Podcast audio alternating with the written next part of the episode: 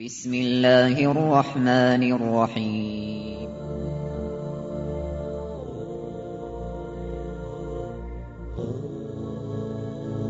الرحمن العزيز الرحيم القوي السلام الكريم العظيم البصير العليم الحكيم الجبار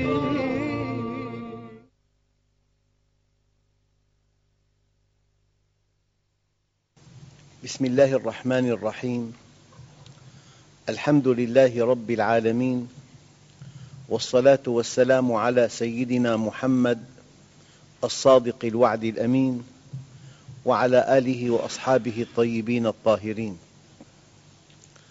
اللهم أخرجنا من ظلمات الجهل والوهم إلى أنوار المعرفة والعلم ومن وحول الشهوات إلى جنات القربات.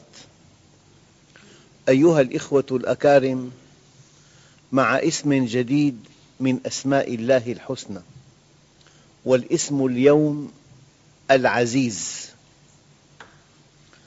أيها الإخوة هذا الاسم ورد في كثير من آيات القرآن الكريم.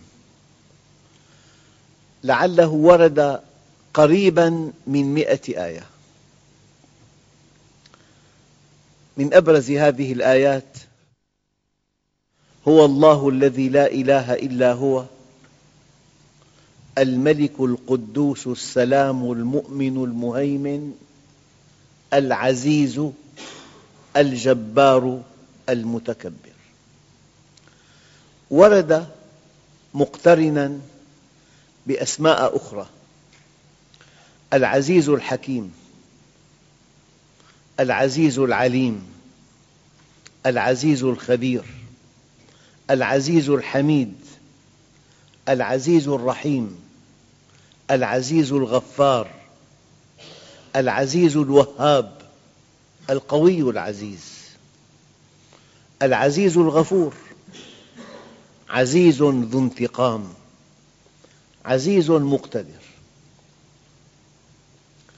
وفي صحيح الجامع الصغير من حديث عائشة رضي الله عنها أن من دعاء النبي صلى الله عليه وسلم لا إله إلا الله الواحد القهار رب السماوات والأرض وما بينهما العزيز الغفار.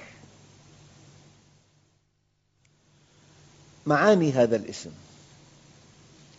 العزيز هو الغالب وإن جندنا لهم الغالبون. لمجرد أن تتحقق جنديتك لله عز وجل فأنت الغالب. ومستحيل وألف ألف مستحيل أن تكون جنديا لله ولا تنتصر. إن تنصروا الله ينصركم. وإن جندنا لهم الغالبون. لذلك أيها الإخوة إن لم ننتصر فالخطأ منا. الكرة في ملعبنا. هناك خلل في جنديتنا لله عز وجل. وإن جندنا لهم الغالبون. الله عز وجل يقول في آيات كثيرة من هذه الآيات فقال أكفلنيها وعزني في الخطاب أي غلبني فالعزيز هو الغالب. فالبطولة أن تكون مع الغالب دائما. والخطأ المدمر أن تنحاز إلى المغلوب. إذا كنت مع الغالب فأنت الغالب. إذا كنت مع الله فأنت المنتصر. إذا كان الله معك فمن عليك وإذا كان عليك فمن معك. أيها الإخوة الكرام كلمة أقولها لكم. لا تقلقوا على هذا الدين إنه دين الله. هو ينصره. ولكن لنقلق على أنفسنا. أول معنى من معاني هذا الاسم أنه الغالب. فالبطولة أن تكون مع القوي. قوة المؤمن من توكله على الله. قوة المؤمن من اعتماده على الله. قوة المؤمن من تطبيقه لمنهج الله كثمن لنصر الله. نصر الله له ثمن. الأمور ليست بالتمنيات. التمنيات بضائع الحمقى.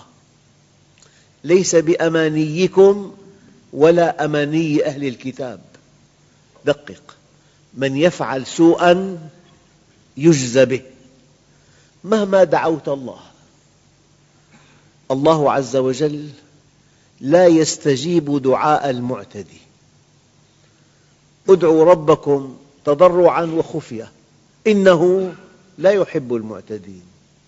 إذا في عدوان إذا في ظلم مهما رفعت صوتك بالدعاء لن يستجاب لك.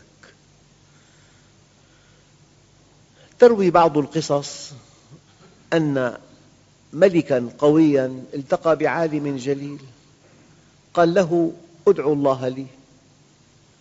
فقال له هذا العالم لا تظلم ولست بحاجة إلى دعائي. لا تظلم ولست بحاجة إلى دعائي. وإن جندنا لهم الغالبون. العزيز هو الغالب. وعزني في الخطاب غلبني. وإن جندنا لهم الغالبون. سبحانك إنه لا يذل من واليت ولا يعز من عاديت. المعنى الآخر العزيز هو الشريف. بكل مجتمع في فئة من الناس تسمى في اللغة علية القوم. عزيز صادق كريم أصيل جواد صبور حليم. هؤلاء النخبة من الناس هم أعزة القوم. لذلك ماذا قالت بلقيس إن الملوك إذا دخلوا قرية أفسدوها وجعلوا أعزة أهلها أذلة كلام من؟ كلام بلقيس ماذا قال الله عز وجل؟ وكذلك يفعلون يعني إذا إنسان لم يعرف ربه لكن تكلم كلمة صحيحة يجب أن تكون خطأ؟ لا. بلقيس قبل أن تعرف الله قالت إن الملوك إذا دخلوا قرية أفسدوها وجعلوا أعزة أهلها أذلة. خالق السماوات والأرض قال وكذلك يفعلون. صح. يعني الانفتاح يقتضي أن تصغي إلى كل قول. الإمام الشافعي يقول أنا على حق وخصمي على باطل وقد أكون مخطئا. وخصمي على باطل وأنا على حق وقد يكون مصيبا. تواضع حينما تحاور. نعم. العزيز هو الجليل والشريف. شيء آخر العزيز هو القوي. إذ أرسلنا إليهم اثنين فكذبوهما فعززنا بثالث أي قويناهم بثالث إذا قلت فلان عزيز يعني قوي. والناس يحبون الأقوياء. وطبع في الإنسان أن يحب القوي. لكن من هو أقوى الأقوياء؟ خالق السماوات والأرض. من هو القوي إلى أبد الآبدين؟ خالق السماوات والأرض. إن أردت أن تكون قوياً كن مع القوي. لا تكن مع الضعيف. إن أردت أن تكون أقوى الناس فتوكل على الله.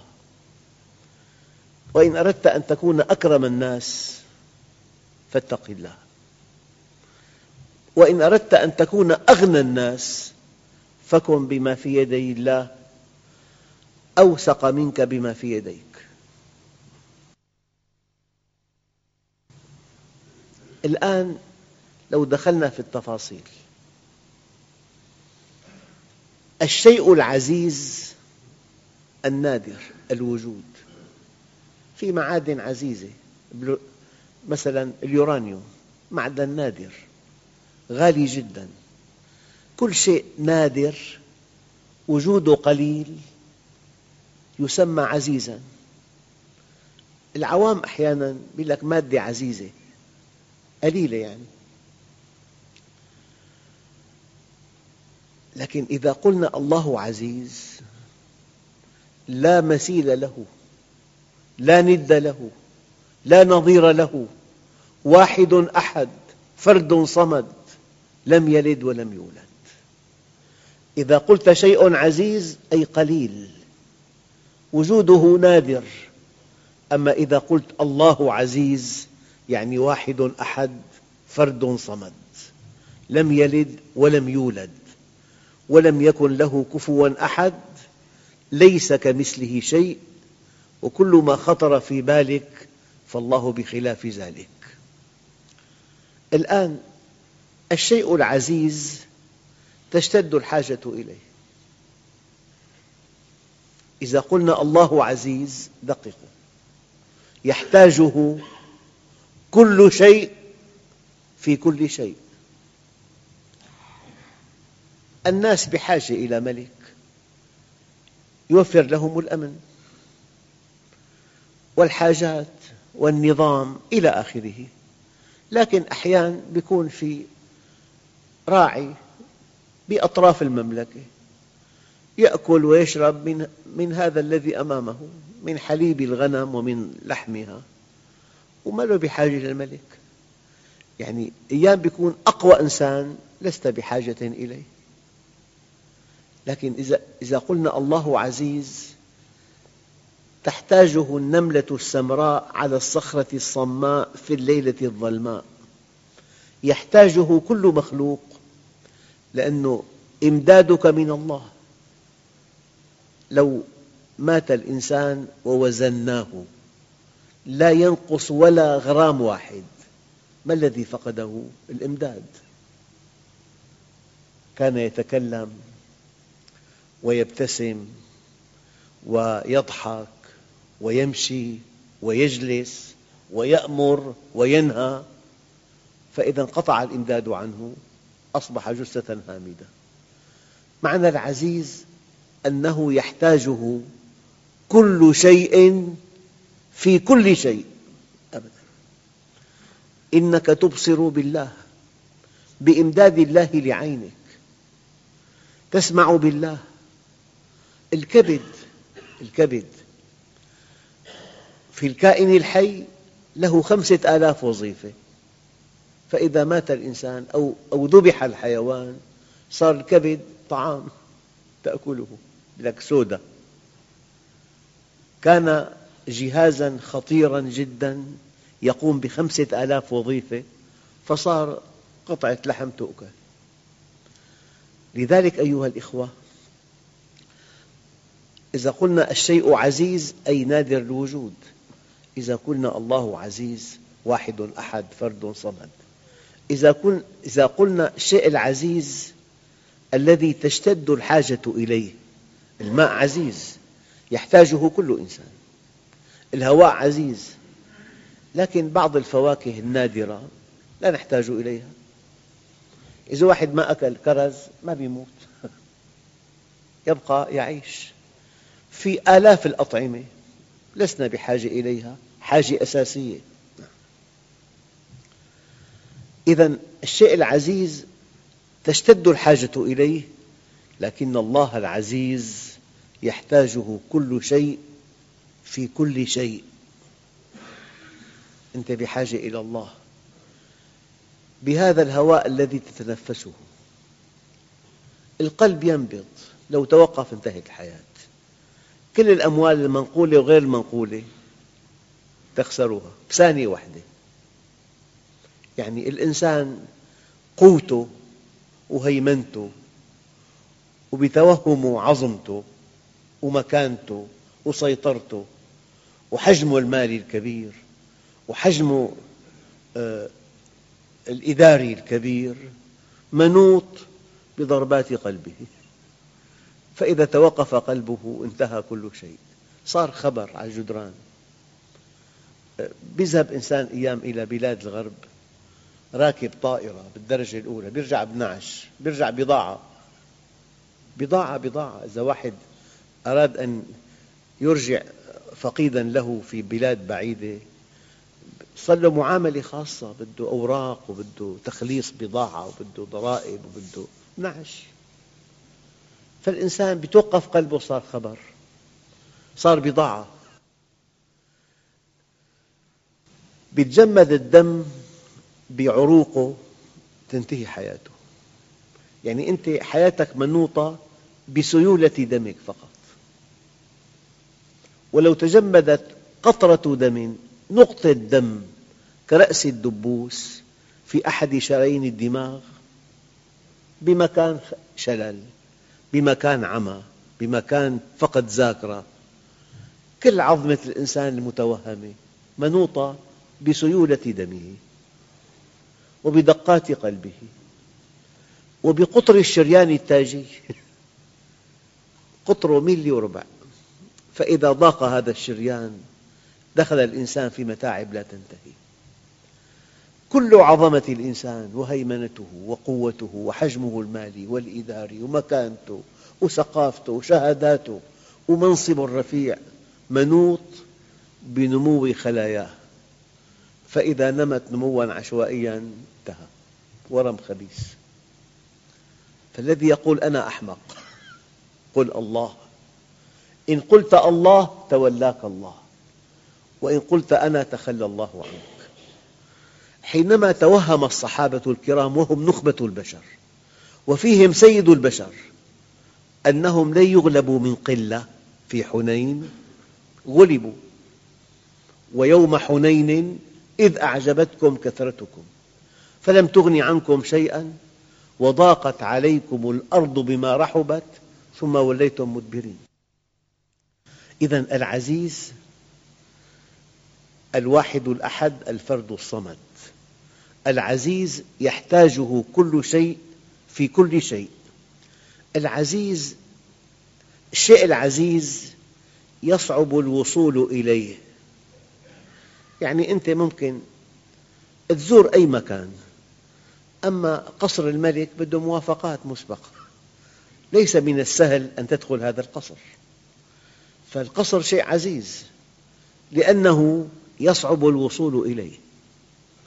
أما إذا قلنا الله عزيز يستحيل أن تحيط به. وما أوتيتم من العلم إلا قليلا ولا يحيطون بشيء من علمه إلا بما شاء. لكن كاستثناء دقيق يمكن أن تصل إليه عبادة. يمكن أن تعرفه معرفة محدودة. يمكن أن تعبده. يمكن أن تطيعه يمكن أن تتصل به أما أن تحيط به مستحيل. لا يعرف الله إلا الله. حتى سيد الأنبياء والمرسلين معرفته ليست مطلقة. لا يعرف الله إلا الله. فإذا قلنا الله عزيز واحد أحد فرد صمد وإذا قلنا الله عزيز يحتاجه كل شيء في كل شيء وإذا قلنا الله عزيز يستحيل أن تحيط به. لذلك الإنسان يكون شابا حتى في المئة إذا اختار أن يعرف الله. الله لا نهائي. أما إذا اختار شيء دنيوي ووصل إليه وأحاط به انتهت حياته. حياته مملة صارت. بطولة المؤمن أنه اختار هدفا لا نهائيا. في شباب دائم أقسم لكم بالله المؤمن شاب في التسعين. طبعا في ضعف في جسمه في ضعف في بصره لكن همته همة شباب لأنه هدفه كبير. وأنت لا تسعد إلا إذا اخترت هدفا يتناسب مع بنيتك. أنت مصمم لتعرف الله. أنت مولف مصمم مبرمج مفطور من أجل أن تعرف الله. ابن آدم اطلبني تجدني. فإذا وجدتني وجدت كل شيء. وإن فتك فاتك كل شيء. فإن اخترت هدفا آخر غير الله محدود. انظر لإنسان وصل إلى طموحاته الكبرى ماليا. تلاقي مالل يقول لك شيء مألوف ولحكمة بالغة بالغة بالغة. لم يشأ ربنا جل جلاله أن يجعل الدنيا تمدك بمتعة مستمرة متعة متناقصة أبدا. أي شيء كنت بحاجة إليه أو تطمح إليه بعد أن تصل إليه يصبح شيئا عاديا أوضح شيء الزواج. الذي لم يتزوج بظن الزواج شيء يعني مو معقول. بعد الزواج شيء عادي جدا. الله عز وجل أبى أن يجعل الدنيا تمد الإنسان بمتعة مستمرة بل متعة متناقصة. وإذا فيها معصية متعة متناقصة مع كآبة أيها الإخوة الآن الشيء العزيز يقل وجوده وتشتد الحاجة إليه ويصعب الوصول إليه. كلما كثر وجوده قلت عزته. وكلما قلت الحاجة إليه قلت عزته. وكلما سهل الوصول إليه قلت عزته. الآن كلما قل وجود الشيء حتى صار واحداً. وكلما اشتدت الحاجة إليه حتى احتاجه كل شيء في كل شيء. وكلما صعب الوصول إليه حتى أصبح مستحيلا. إنه الله. عزيز حكيم. أيها الأخوة التفكر في الكون أحد طرق معرفة العزيز. نحن من أجل أن نصل إلى نجم ملتهب عدا الشمس من أجل أن نصل إلى أقرب نجم ملتهب عدا الشمس نحتاج لأربع سنوات ضوئية. كي أترجم لكم هذه المسافة بلغة الواقع لو في مركبة أرضية سيارة وفي طريق لهذا النجم نحتاج إلى خمسين مليون عام قيادة.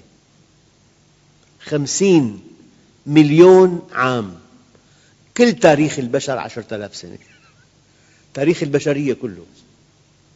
خمسين مليون عام نقود مركبة إلى أن نصل إلى أقرب نجم ملتهب إلى الأرض. طيب نجم القطب أربعة آلاف سنة. المرأة المسلسلة مليونات سنة ضوئية.